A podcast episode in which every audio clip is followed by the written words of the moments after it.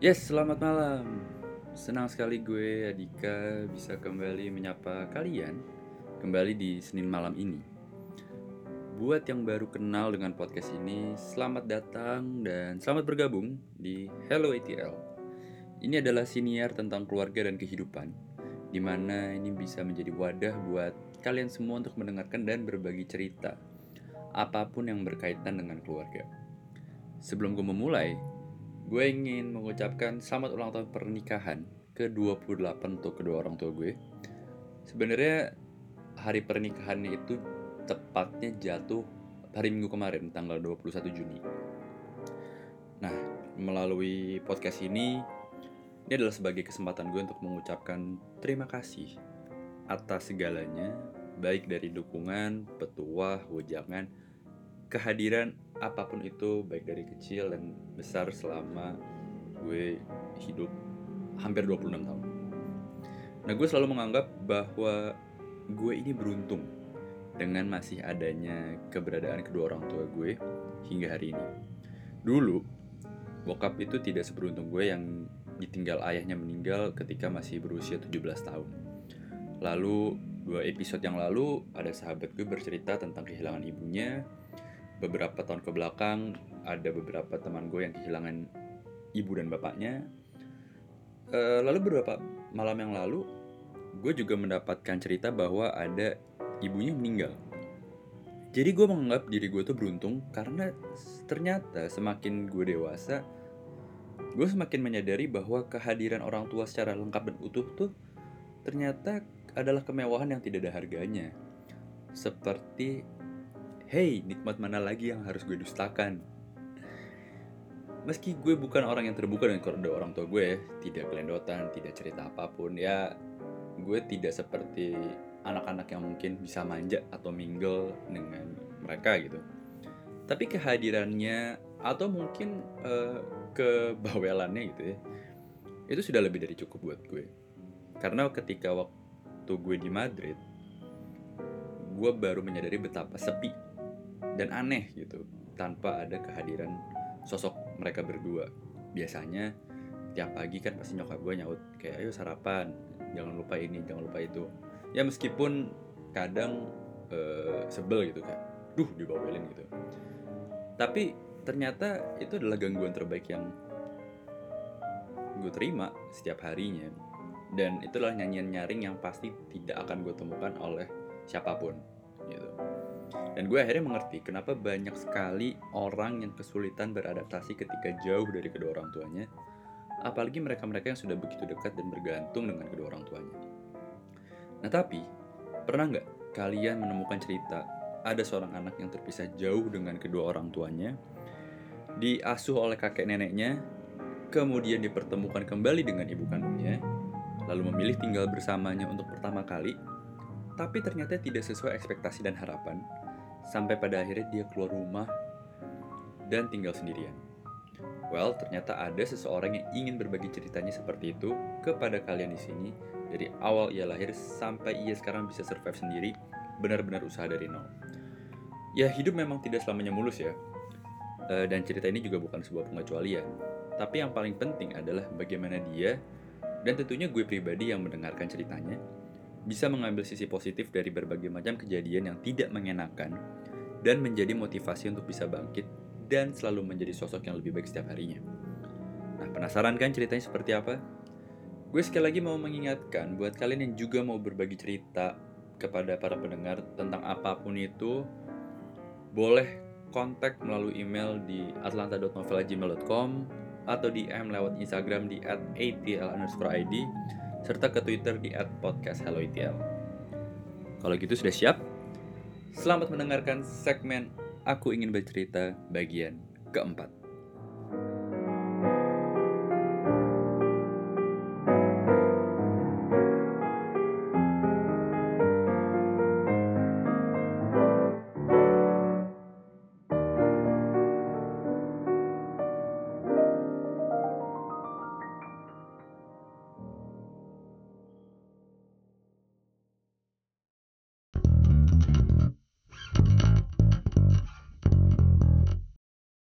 Oke sekarang gue sudah bersama salah satu orang yang eh, menghubungi gue melawat lewat Instagram dan ingin sharing tentang pengalaman pribadinya. Boleh diperkenalkan?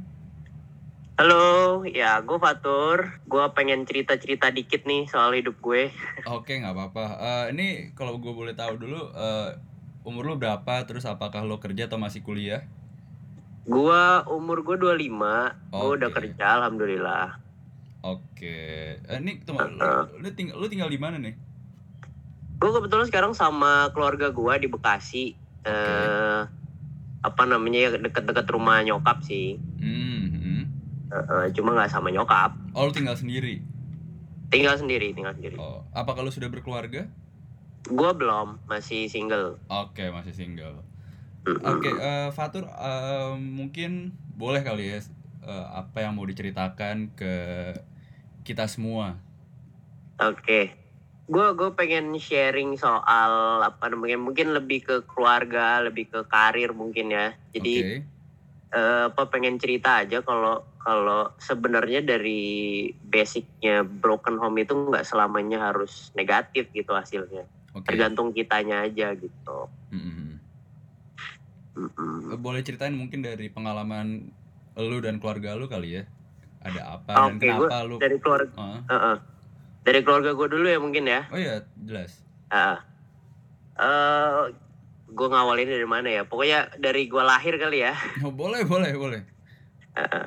jadi jadi gini eh, kebetulan dulu nyokap gue itu pembaca berita di TVRI terus eh, ya ketemulah sama bokap gue jadi eh, dan bokap gue bukan dari situ jadi dari dari karyawan biasa lah Mm-mm.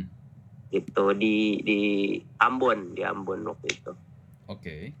nah mereka sama-sama orang Makassar Eh, ya udah terjadilah pernikahan Ya. dan dan gue brojol di situ. Nah, gue Oke. kebetulan lahir di Ambon nih bro. Oke. gue kebetulan lahir di Ambon, eh, terus apa nyokap gue lagi dinas di sana gitu kan. Terus beberapa bulan setelah itu Hmm. ada kerusuhan apa namanya perang saudara gitu lah ya di Ambon. Terus akhirnya kita Hmm. balik ke Makassar. Mm-mm. Tapi di situ kondisinya gue gue ini seinget gue dan dan apa cerita-cerita dari keluarga gue juga. Gue baru beberapa bulan Hmm. di situ eh, bokap sama nyokap udah apa namanya ya udah mulai renggang lah hubungannya gitu Oke. dari situ gue udah beranjak besar gue mulai TK dari situ gue udah nggak ketemu bokap sama sekali Hmm. Nah kebetulan ada adiknya nenek gue itu eh, pengen punya anak lagi cuma emang udah nggak bisa gitu ya Oke. dan mungkin mereka ngelihat keluarga gua bokap dan nyokap gua agak agak-agak apa nggak bisa ngurusin gue akhirnya Hmm. Mereka eh, narik gue nih sebagai anak angkat. Oke. gitu. Dan jadi jadi dan kebetulan opa gue juga ada di di pekerjaan yang sama. Posisinya juga di Ambon. Jadi kebetulan balik lagi ke Ambon setelah setelah kerusuhan itu. Ah. tapi nyokap gue dinasnya balik ke ke Makassar. Jadi beda beda pulau nih. Iya, oke.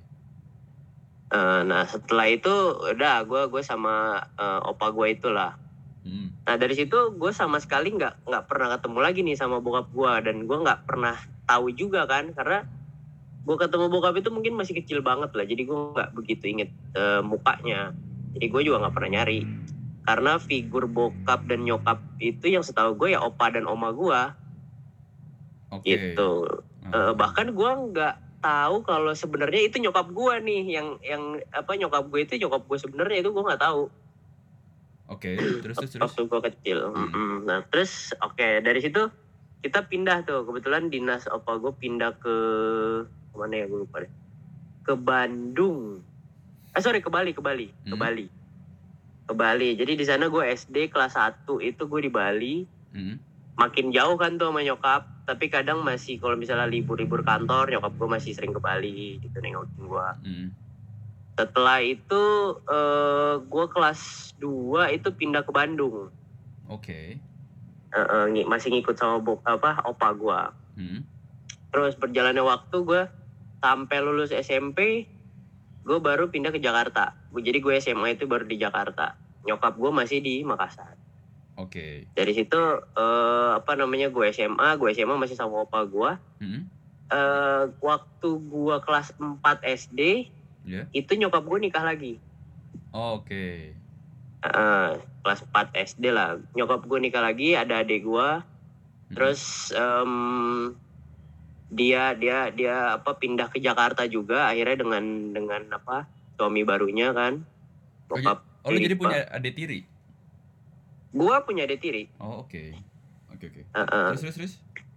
Eh, terus sampai di Jakarta eh, apa namanya kita eh, eh, nyokap gue sering ngajak gue jalan gitu. Tapi gue tetap nggak nyadar kalau itu nyokap gue Oh oke. gitu loh. Eh, masih dan dan dan apa opa oma gue juga apa ya mungkin menanamkan kalau itu tuh tante lo gue ini bokap nyokap lo gitu loh. Oke. jadi eh, eh, mungkin biar gue nggak ngerasa linglung kali ya ini nyokap gue yang mana gitu. Mungkin mikirnya gitu kali ya. Ah iya bisa. Terus terus.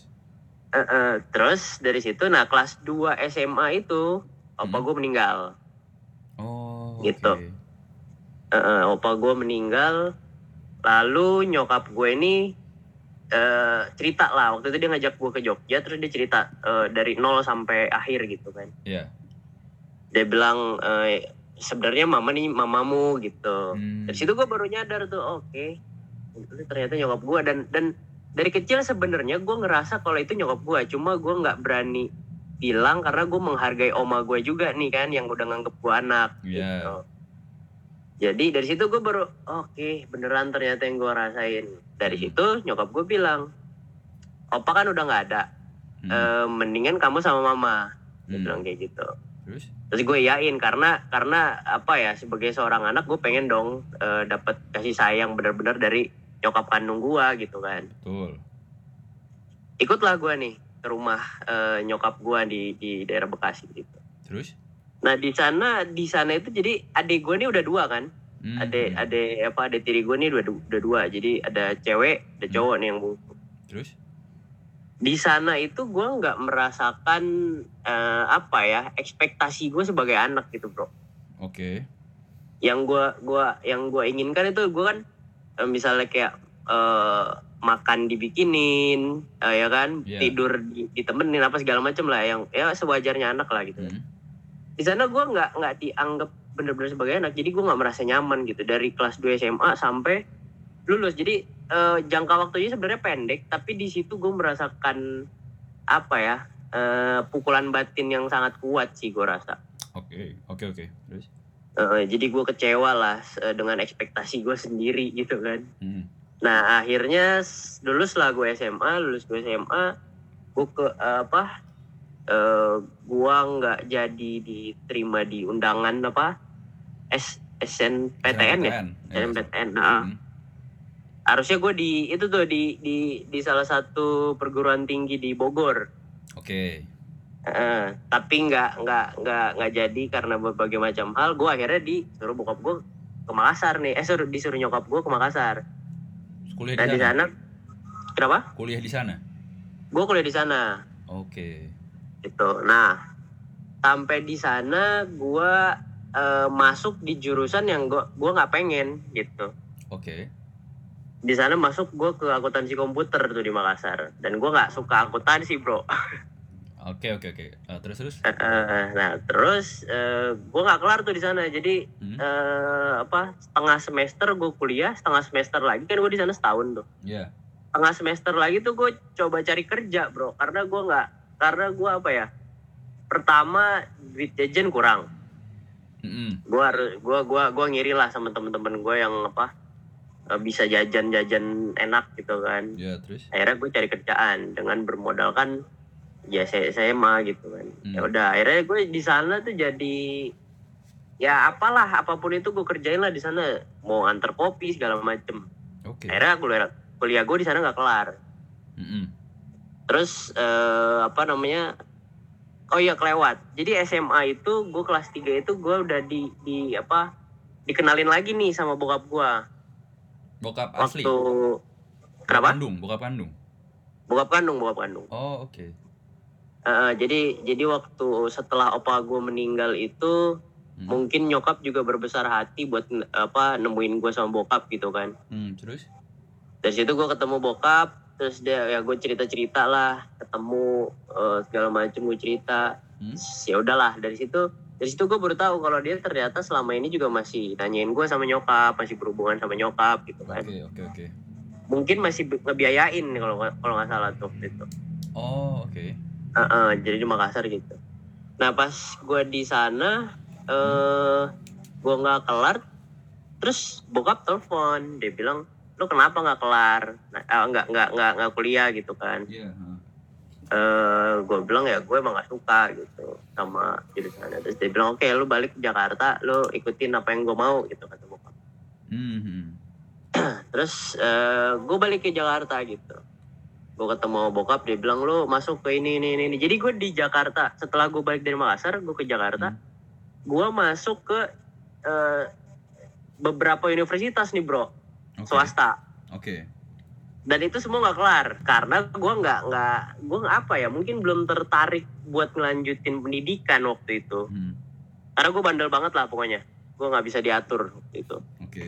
sampai terakhir itu bokap gue nanya oke lu maunya apa Hmm. terus gue bilang "Wah, waktu itu 2000 berapa ya 2003 2013 mau ke 14 kali itu Hmm. nanya dia lu maunya apa terus gue bilang waktu itu lagi musim-musimnya PB ya Hmm. game-game online gitu Oke. gue strik di warnet jadi gue pengen tahu komputer nih bro Oke.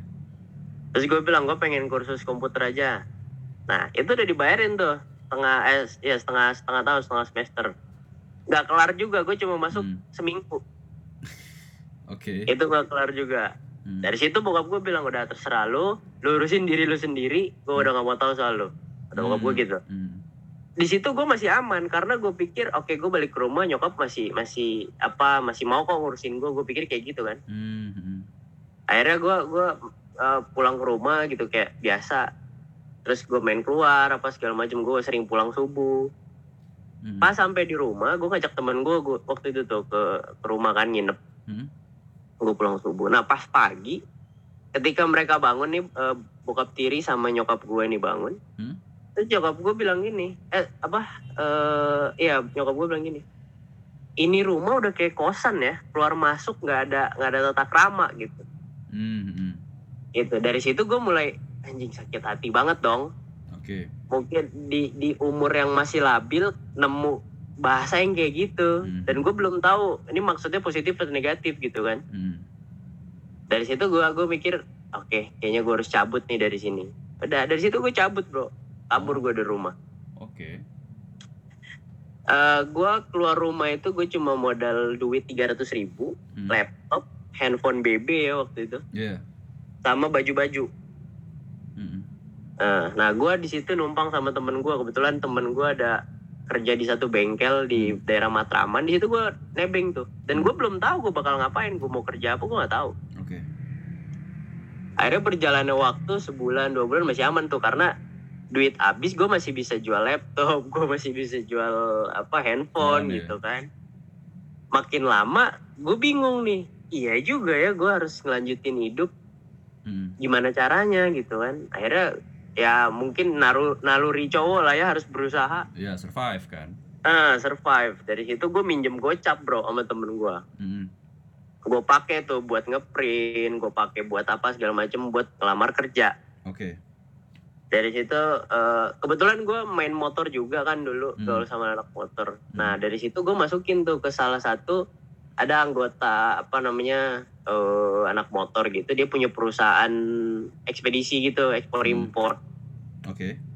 Nah, jadi di situ gue masukin lamaran dan langsung diterima gue di tes hari itu hari itu juga diterima katanya eh, mulai besok lu udah boleh kerja Oke. dari situ gue udah oke gue punya kehidupan baru eh, syukurlah gue udah kerja gitu Hmm. Nah di situ gue digaji cuma eh 800 ribu kayak 2014 itu udah mulai mahal ya kebutuhan sedangkan gue cuma digaji 800 ribu tuh waktu itu. Oke. Nah di situ posisinya itu lagi nggak ada apa-apa, nggak ada posisi yang yang yang bagus. Akhirnya gue di situ sementara sebagai supir dulu nih, supir kargo. Supir kargo, oke. Heeh. Jadi gua itu eh, apa jemput dan antar barang dari customer ke kantor ke kantor dari eh, dari kantor ke bandara Suta Oke.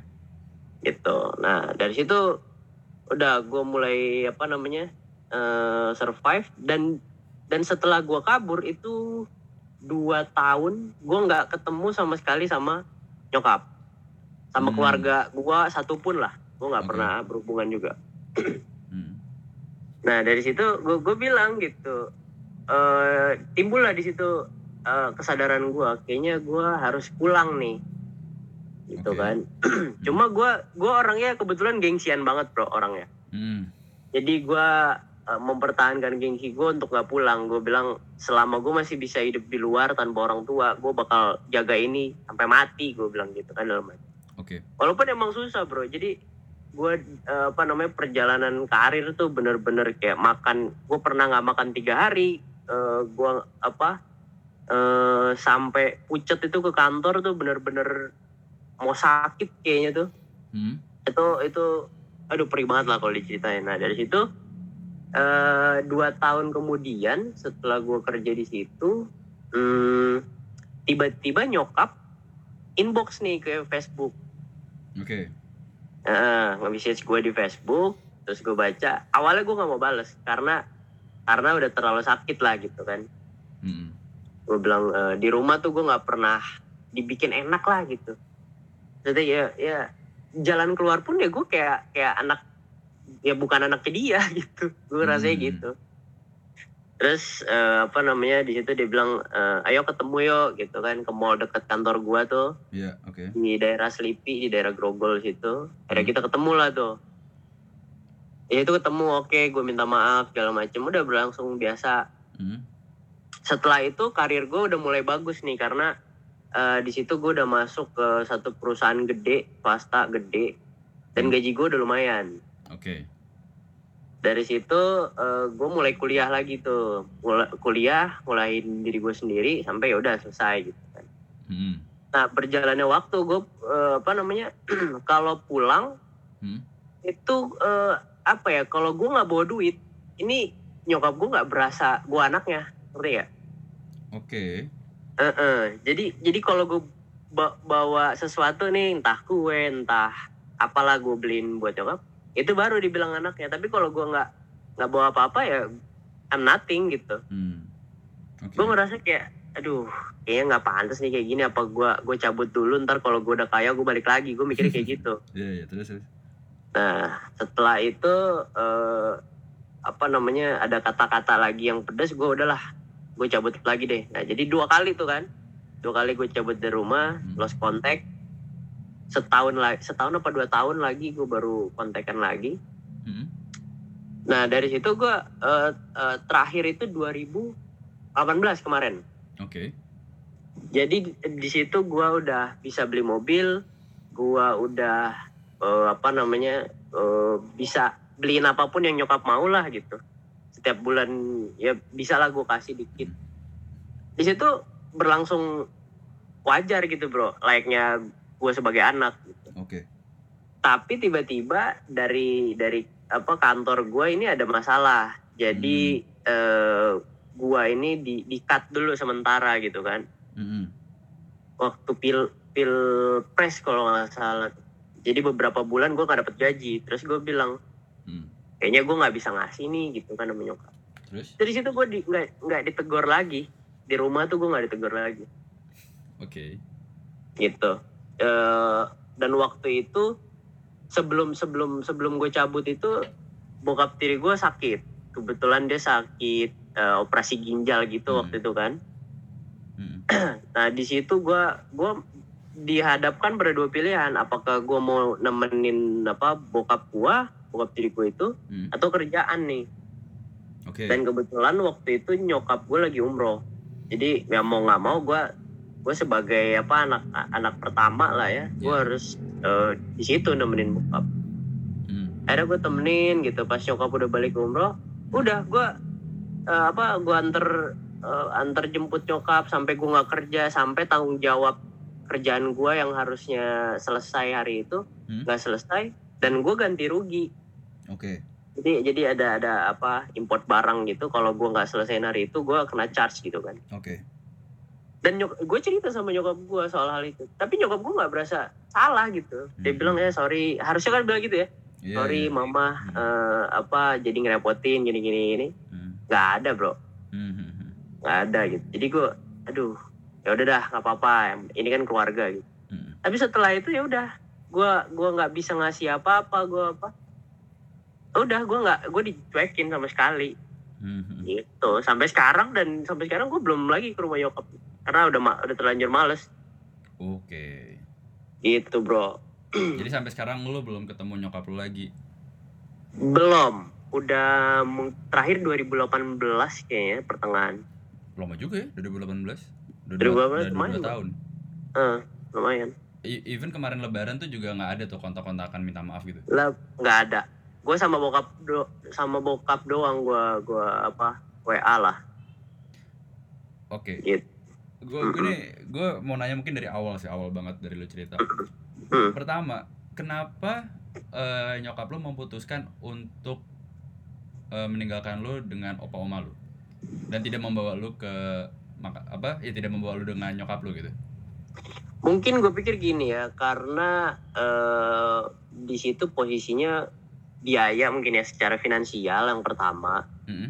ya, ini ini ini menurut gue ya Ya ya. karena gue juga nggak tahu alasannya menurut gue itu yang pertama karena finansial yang kedua mungkin eh, karena dia nggak mau dibilang eh, apa namanya janda lah atau apa anak satu gitu loh bro Hmm. mungkin ya mungkin gue mikirnya sih kayak gitu Mm. dan yang ketiga mungkin dia nggak nyaman juga ada ada gua yang ketika dia ngeliat gua sama aja mungkin dia keinget sama bokap gue ini yang bokap kandung gua Oke, bisa bisa bisa. gitu Nah, gue mikirnya sih ah. gitu Nah, tapi Mm-mm. kayak kenapa lu juga tidak sama bokap tiri lu?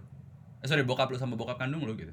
Bokap kandung gua kan gua nggak nggak apa nggak nyaman eh bukan nggak nyaman maksudnya dia ninggalin gue juga kan waktu itu karena Hmm. posisinya nyokap gue juga eh, apa eh, nggak mau deket gitu sama dia dan gue juga nggak boleh ketemu sama bokap gua Mm-mm. waktu terakhir ketemu itu waktu SMA SMA itu eh, apa dia dia dia dia apa ya kondisi finansial gue bilang cukup ya mungkin berlebih cuma Hmm. gue sebagai anak tuh nggak nggak ada rasa nyaman gitu kalau tiba-tiba gue dari dari kecil sama siapa gedenya sama siapa kan beda juga bro rasanya walaupun itu Betul. bukan Bandung ya Mm-mm.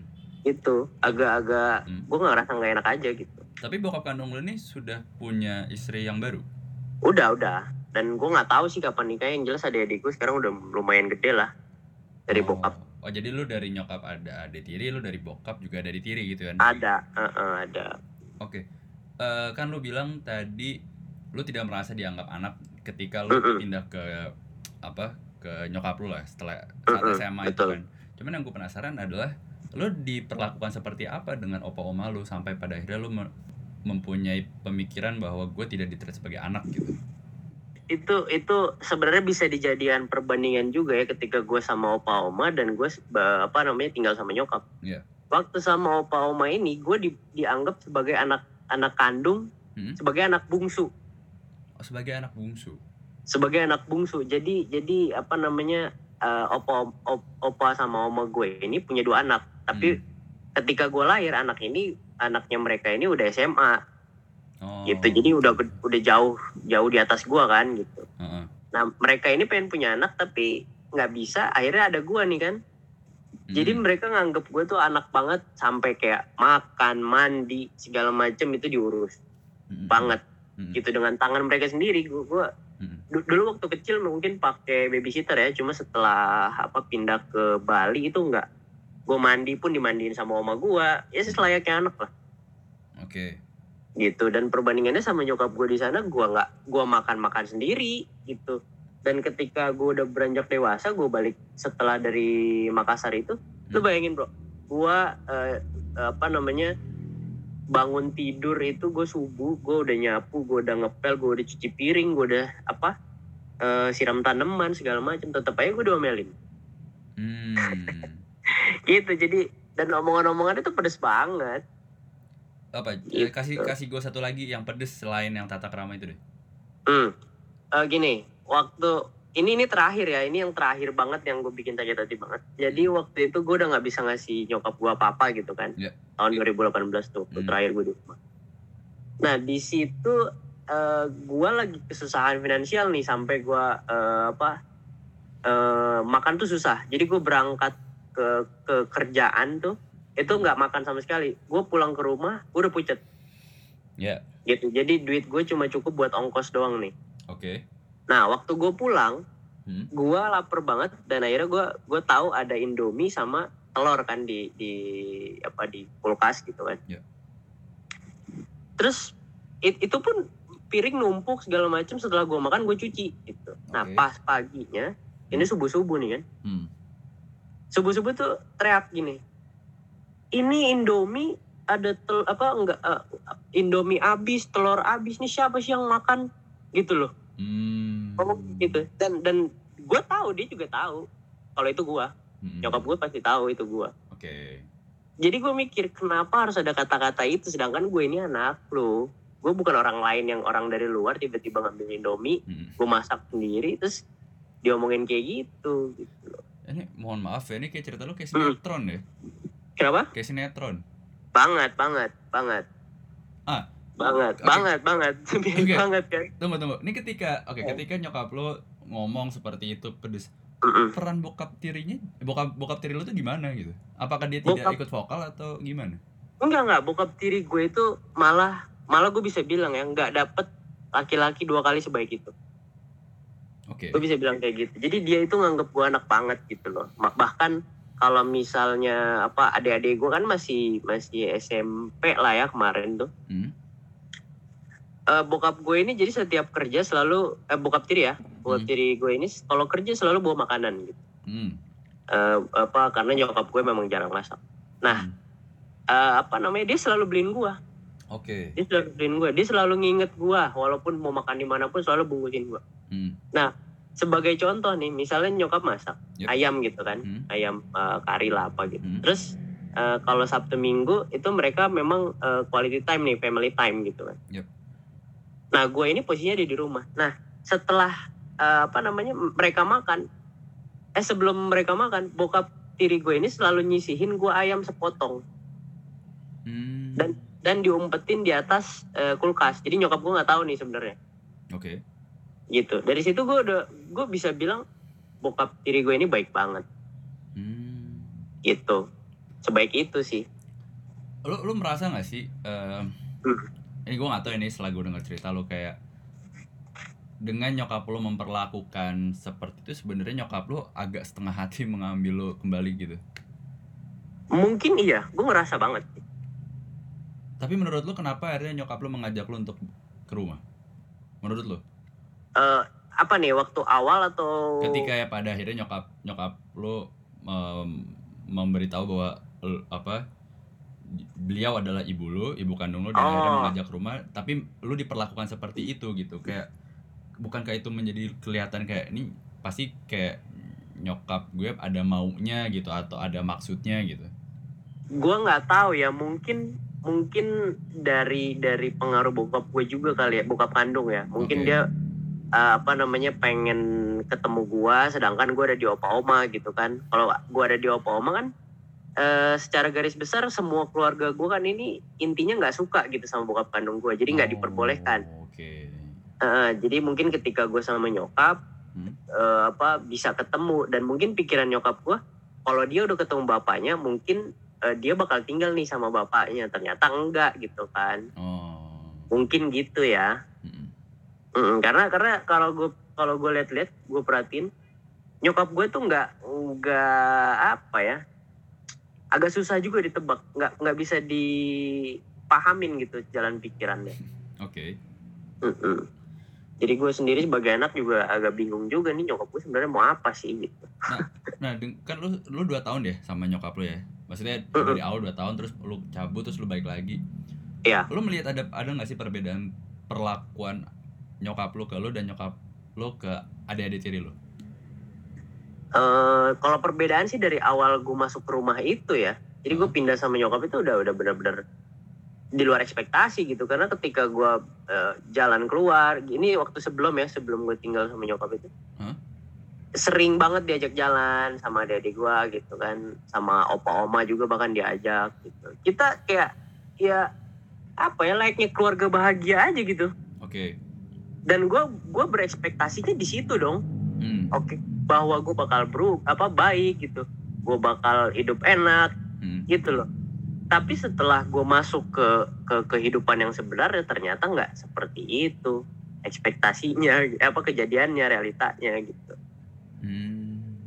gitu makanya agak aneh juga Dan lo mendambakan nyokap lo tuh seperti apa sih sosoknya? gue pengennya gini eh, apa namanya setidaknya karena gue sekarang udah dewasa gue udah bisa eh, hidup sendiri lah gitu kan Oke. setidaknya gini lu cukup wa gua lu Hmm. cukup bilang abang jangan lupa makan Hmm. abang eh, eh, apa jangan lupa sholatnya hati-hati jangan pulang malam-malam itu udah cukup Oke. menurut gue itu itu cuma wa doang gue pengen banget itu Hmm. nggak usah kayak ketemu terus meluk ketemu terus nah, ngobrol nggak usah kayak gitu lu wa cukup wa gua udah selesai itu gue udah merasa bangga banget Paling nggak dicariin atau diingetin lah ya. betul bro Hmm. Dan, Gitu. dan dua tahun ini nggak nggak ada tuh ya WA dari nyokap lo.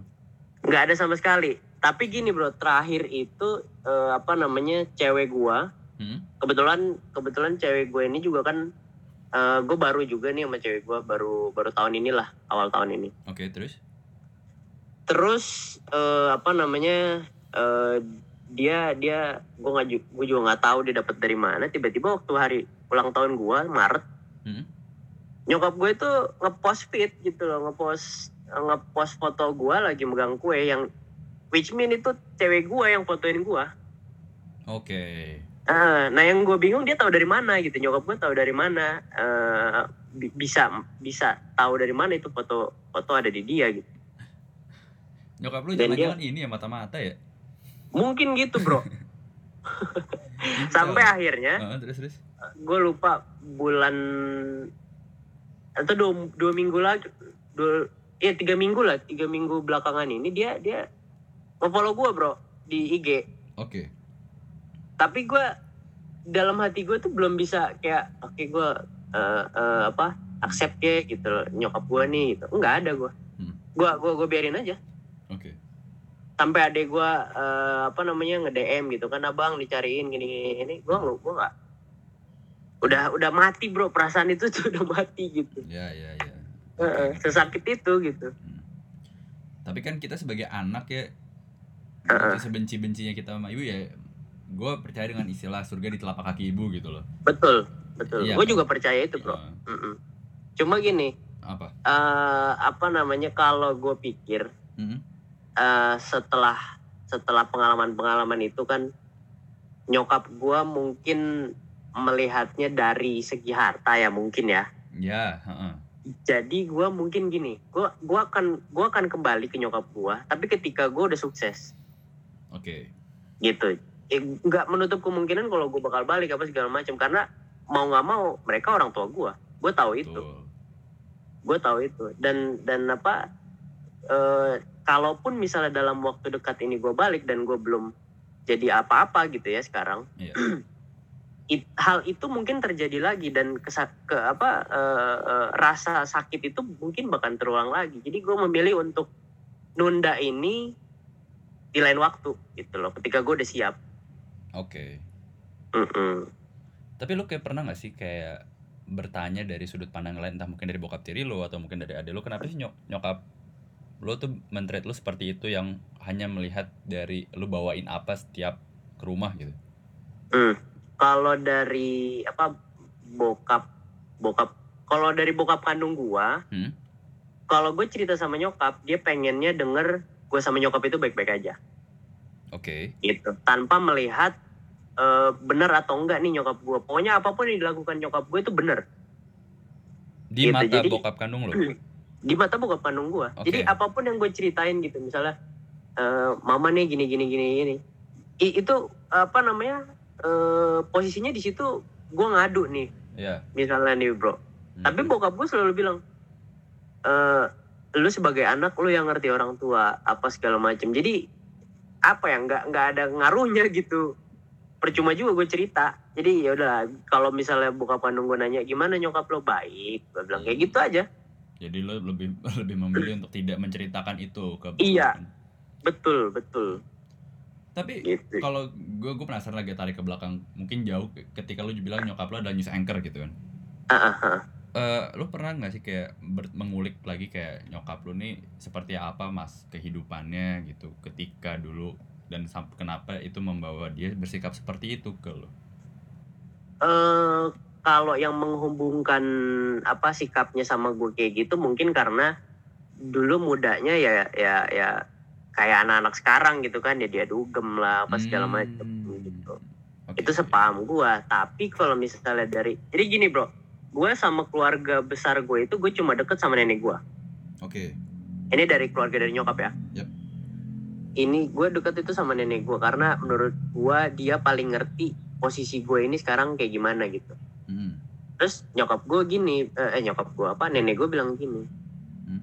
eh itulah nyokap lu gitu. Sampai nenek gue sendiri aja tahu banget nyokap gue kayak gimana karena eh, dia anaknya gitu kan. Ya ya dia nyokapnya. Hmm. nenek gue bilang eh eh, lu lu lu berperilaku sebaik-baiknya aja. Karena Hmm. Walaupun lu baik lu bakal tetap jelek di matanya. Hmm, gitu. Nah posisinya sekarang ini nenek nenek gua juga nggak di di apa nggak akur juga sama nyokap gua bro. Padahal anak anak anak kandung sendiri gitu ya? Iya. Iya.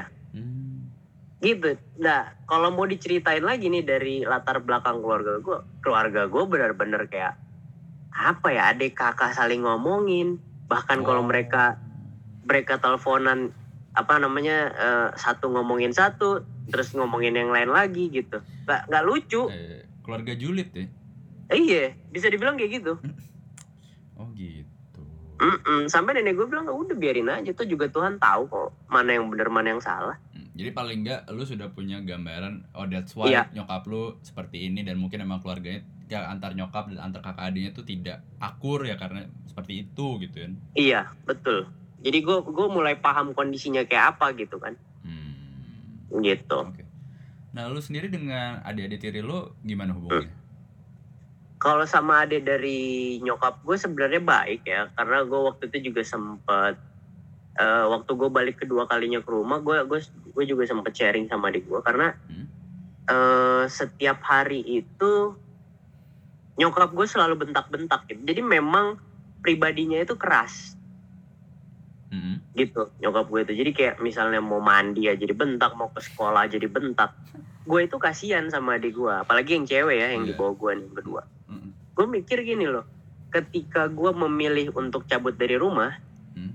menurut gue itu normal karena gue apa merasakan sakitnya kayak gimana dan Hmm. gue mikir bahwa gue ini cowok gue bisa survive di luar tanpa Hmm. tanpa apa eh, mungkin tanpa hal-hal negatif ya Hmm. tapi kalau kalau gue pikir lagi misalnya adik gue mera- eh, apa merasakan hal kayak gitu dan dia memutuskan untuk kayak abangnya cabut dari rumah Hmm. lo tau sendiri bro sekarang cewek keluar buat hidup sendiri harusnya ngapain sih gitu kan buat dapet duit cepet ya kan Oh, iya. gue mikir kayak gitu doang Oh. gue takut kayak gitu Dan Akhirnya ya, lu waktu itu- untuk menjaga adik lu kan? Mm-mm. Hmm. karena ya mau mau gimana lagi dia tetap adik gue dong betul. Nah akhirnya waktu itu gue sempet sempet ngobrol-ngobrol jadi gue tunggu malam dulu dan gue tahu adik gue ini sering sering apa eh, begadang gitu kan yang cewek. Hmm. Terus gue samperin ke kamarnya kita ngobrol menurut lu nyokap kayak gimana sih mama tuh kayak gimana bla bla bla. Hmm. Di situ gue berdua nangis bro Hmm. sampai malam itu dari jam setengah satu sampai jam tiga kayaknya. Gue berdua nangis gue bilang Hmm. ya udahlah lu dibentak kayak gitu mungkin ada positifnya. Lu ambil lu ambil hikmahnya aja. Kita Hmm. nih sebagai anak kita aja yang nurut sama orang tua. Orang tua udah nggak bisa berubah. Kita yang ngerti orang tua. Gue Hmm. bilang kayak gitu. Adik gue nangis. Mungkin karena karena kerasnya mulut nyokap juga ya. Ya. gitu. Mungkin dia batin dan nggak bisa cerita sama siapa-siapa. Hmm. akhirnya gue lah memposisikan diri gue sebagai apa pun itu buat adik gue Wow. tapi eh apa basically gue sama adik gue deket sih Even, cuma- even even dari struggle lu yang jadi supir gitu, adik lu juga tahu kan? enggak enggak enggak ada yang tahu kalau keluarga gue ada yang Nggak enggak ada yang tahu lu jadi supir. Kenapa? Nggak ada yang tahu lu jadi supir kargo. nggak ada nggak ada mereka tahunya ketika gue ada di di satu perusahaan swasta yang gede di Hmm. ekspedisi juga Heeh. mereka tahunya di situ nggak ada yang tahu gue susah makan nggak ada yang tahu gue apa eh, sakit nggak ada Dan apakah lu nggak mau menceritakan itu entah ke nyokap atau bokap lu? eh kayaknya mereka nggak perlu tahu kesusahan gue bro cukup mereka tahu ketika gue seneng gue sehat mereka tahu itu gue udah bahagia lah Hmm. Oke oke. Nah, lu lu tadi bilang lu punya pacar. Mm-mm. Sejauh mana sih pentingnya peran pacar lu sekarang dalam kehidupan lu? penting banget. Jadi gini, eh kalau pacar ini kan mungkin terbilang baru ya, tapi Hmm. menurut gua dia memposisikan dirinya itu sebagai semuanya di di hidup gua. Dia bisa bikin dirinya jadi nyokap gua, dia bisa eh, apa buat dirinya itu jadi temen gua, jadi temen curhat gua segala macem. Oke. Tapi gue mau bilang lagi, di balik semua ini Hmm. ada temen-temen gua yang selalu support gua. Oke. gitu bro Eh, jadi dari dari gua kabur dari rumah ada temen gua dari gua susah makan ada temen gua sampai detik ini Hmm. eh, mereka tetap ada support gua sampai gua alhamdulillah sekarang gua udah bisa beli rumah bro Hmm. Eh, gue beli rumah nggak jauh juga tuh dari rumah nyokap cuma nyokap juga mungkin nggak tahu ya keluarga gua nggak ada yang tahu juga Oke. itu eh, ketika 2018 eh, apa namanya 2018 awal gue beli rumah terus langsung tiba-tiba ngedrop kerjaan gue Hmm. itu ada teman-teman gue yang bantu support sampai dia bantu support eh, apa namanya eh, eh, harta bantu support Oh. Eh, motivasi segala macem itu gue terima bro dari teman-teman gue Hmm. bahkan kalau misalnya dipilih ya untuk Hmm. saat ini misalnya ada pertanyaan lu milih keluarga lu atau milih temen lu gue milih temen gue bro karena, sumpah. Karena mereka lihat lu susah dan sampai sekarang Bener. kan. bener ketika gue susah satupun keluarga gue ya satupun nih satu orang pun gak ada yang bahkan ngelihat gue Hmm. teman-teman gue semua nih yang ayo bro kita bangun lagi yuk kita cari kerjaan lagi ayo bro gitu Hmm, hmm. jadi mereka sangat berarti banget buat gue Oke. Dan sorry Iya. ini ru- rumah lu eh, udah lunas? belum belum masih masih masih nyicil bro Masih eh, tapi kan kayak lu umur 25 udah udah beli rumah sendiri mah keren banget. Alah. beli rumah dari umur 23 bro 2018 Oh iya, bagus. Lu nah, oke, lu kenapa lu kepikiran beli rumah di umur 23? agak karena waktu itu gue pengen cepet nikah bro Oh, oke. Mm-mm, karena gue pikir ketika gue punya mobil gue punya rumah nyokap Hmm. gue bakal bangga gitu kan Hmm. tapi dari eh, waktu itu 2018 itu gue belum cerita juga sama nyokap kalau gue ngambil rumah Sampai sekarang lu juga belum cerita. dan dia mereka nggak ada yang tahu Oh. Mm-mm. karena menurut gue apa sih yang mau lu tahu dari gue atau juga gue gue gue nggak berarti banget buat hidup lu gitu gue Iya, mikirnya iya, kayak iya, gitu Iya. Gue ngerti dengan pemikiran itu sih. Eh, eh, jadi apa ya nggak ada satu hal pun yang menjadi alasan gue buat ngebanggain mereka gitu ya udahlah gue nating tulus aja lah emang ini kebutuhan gue juga gitu kan Betul. Ini gue mau mungkin bertanya sedikit soal mungkin lebih ke refleksi tentang apa yang telah lu jalanin ya. Seandainya lu tidak mendapatkan perlakuan seperti itu sama nyokap lo. Yap. Nah seandainya itu tidak terjadi atau seandainya segala hal-hal yang mungkin say negatif gitu tidak terjadi, apakah lu merasa bahwa lu tidak akan menjadi seperti diri lu sekarang saat ini? iya iya gue mikir banget gue gua gue selalu menjadikan itu apa eh, pelajaran hidup karena gue bilang kayak gini eh, kalaupun misalnya itu nggak terjadi gue nggak bakal jadi orang yang sekuat sekarang Oke. gitu jadi semua itu ada hikmahnya apa pun yang gue jalanin dulu itulah eh, semuanya itu yang gue dapetin sekarang gitu Hmm. di lain si di lain hal mungkin gue sakit ya Hmm. dengan dengan perlakuan seperti itu tapi di lain hal gue pengen berterima kasih sama semualah semua semua keluarga gue yang Hmm. yang dengan caranya itu menjadikan gue sebagai orang yang kuat saat ini Hmm. Gitu jadi ada ada sisi negatif dan sisi positif tapi gue selalu ngelihat dari sisi positif sih Oke. gitu Ya benar sih. Ya, Itu membuat lu jadi lebih kuat lah ya. bener bro Mm-mm. em, mungkin ini pertanyaan penutup sih. Bukan pertanyaan Yap. sih kayak lebih eh, lu sebagai orang yang pernah mengalaminya mungkin lu mau memberikan semacam pesan kah buat mereka yang dengerin episode ini karena kan pasti juga banyak orang yang mengalami hal yang entah mungkin lebih buruk ya dari lo gitu.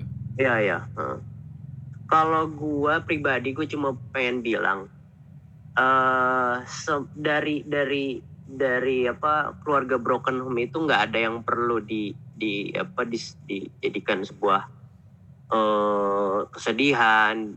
Malah itu bisa dijadikan sebuah acuan sih buat sukses. Karena apa? Hmm. Kalau menurut gua nggak selamanya anak yang terbentuk dari keluarga broken home itu akan jadi negatif gitu. Itu tergantung kitanya sendiri mau Ya, eh, ke arah negatif atau positif gitu. benar. Kalau misalnya kita bergaul di lingkungan yang positif, mungkin kita bakal kebawa ke arah sana gitu. Karena gua pun eh, begitu ngejalanin hidup ini. Hmm. Sebenarnya kan ada dua pilihan. Gua gua gue bisa aja gua jadi pemakai narkoba karena gue frustate gitu kan Betul. eh, apa gue sedih dengan keadaan hidup gue yang kayak gini gitu Hmm. kan tapi itu nggak menjadi alasan gue untuk menyerah gitu loh Hmm. gue pengen ngebuktiin kalau tanpa mereka pun gue bisa jadi orang gue bisa jadi manusia yang sukses Hmm. dan dari situ mungkin eh, dia bisa bangga orang tua gue bisa bangga dengan gue Hmm. gitu gue cuma pengen bilang itu sih dengan harapan orang tua lu nanti bangga lah melihat lu sukses gitu kan. betul betul Tapi kan masih ada nih beberapa anak ya seusia kita lah yang struggle dengan atau menyalahkan apa menyalahkan kondisi kedua orang tuanya. Mungkin lo ada masukan gak sih gimana sih biar itu tuh bisa diatasi? Kalau gue sih eh, mungkin nyaraninnya gini ya. Awalnya kita harus pilih lingkungan yang baik dulu. Karena dari lingkungan yang baik kita punya pemikiran yang baik. Pastinya. Hmm. Dari situ kita bisa diarahkan sama orang-orang itu untuk eh, apa mm, menjalani jalan yang baik juga. Bakal diarahin ke arah yang baik juga. Gitu. Diajarin ke arah yang baik juga. Karena dari dari pengalaman gue, ketika kita udah milih jalan itu, kita bakal bakal apa ya menguasai hal-hal yang baik, bro Hmm. menurut dari situ kita bisa ngembangin dan jadi orang Oke. nggak perlu kayak eh, sekarang mungkin banyak teman-teman yang bingung ya gue Hmm. harus ngapain ya Eh, apa gue bingung nih apalagi keluarga gue yang broken oh itu bukan alasan itu hanya alasan mati doang sih menurut Alasan. gua Alasan mati. Oke. Eh, eh, jadi itu tergantung kemauan kita mau bergerak atau enggak kita mau cari lingkungan yang benar atau enggak sih balik lagi ke diri kita sendiri Oke. Eh, tar lu, gue baru Gitu. kepikiran satu pertanyaan terakhir. Mhm, siap Meskipun lo se sekesel-kesel lu sama nyokap gitu, Heeh. eh lu masih punya cita-cita melakukan sesuatu nggak sama nyokap? gua pengen eh gue pengen eh, ngajak nyokap gue itu umroh bareng sih. Umroh bareng. Eh, jadi waktu itu nyokap pernah bilang kalau dia pengen eh, apa dibayarin umroh. Oh, Oke. Eh, nah di situ gue bilang, iya mas sabar ya nanti abang kerja dulu, abang nabung dulu baru eh, ke mama. Tapi ya mungkin Tuhan berkehendak lain, Mm-mm. dia punya rezeki sendiri dan gua gue cabut dari rumah gitu kan, jadi nggak ada kesempatan untuk itu. Mungkin di lain eh, kesempatan gue bakal ngewujudin itu sih kayaknya. Hmm, ya pokoknya ya bisa aja entah sama nyokap lo atau mungkin ntar sama istri lo kan Iya iya kan. iya pasti pasti. Heeh. Ada lagi yang mau disampaikan? Eh, kayaknya cukup bro di situ. Gua gua eh, cukup berterima kasih juga. Hmm, Mungkin cerita gue ini bisa bermanfaat buat teman-teman yang denger. pasti. Jadi contoh juga mungkin buat buat eh, apa eh, kehidupan selanjutnya biar jadi orang-orang yang baik lagi lah ke depannya. Amin. Gue sangat berterima kasih lo sudah mau berbagi cerita sama gue. Semoga eh, hubungan lo dengan nyokap lo membaik Amin. itu dan semoga rencana lo ke depan lancar-lancar aja dan rumah segera lunas. Amin. Thank you thank you bro itu Terima yang perlu sih. ya. Eh, thank you thank you Thank banget. you bro. Oke, Siap. siap.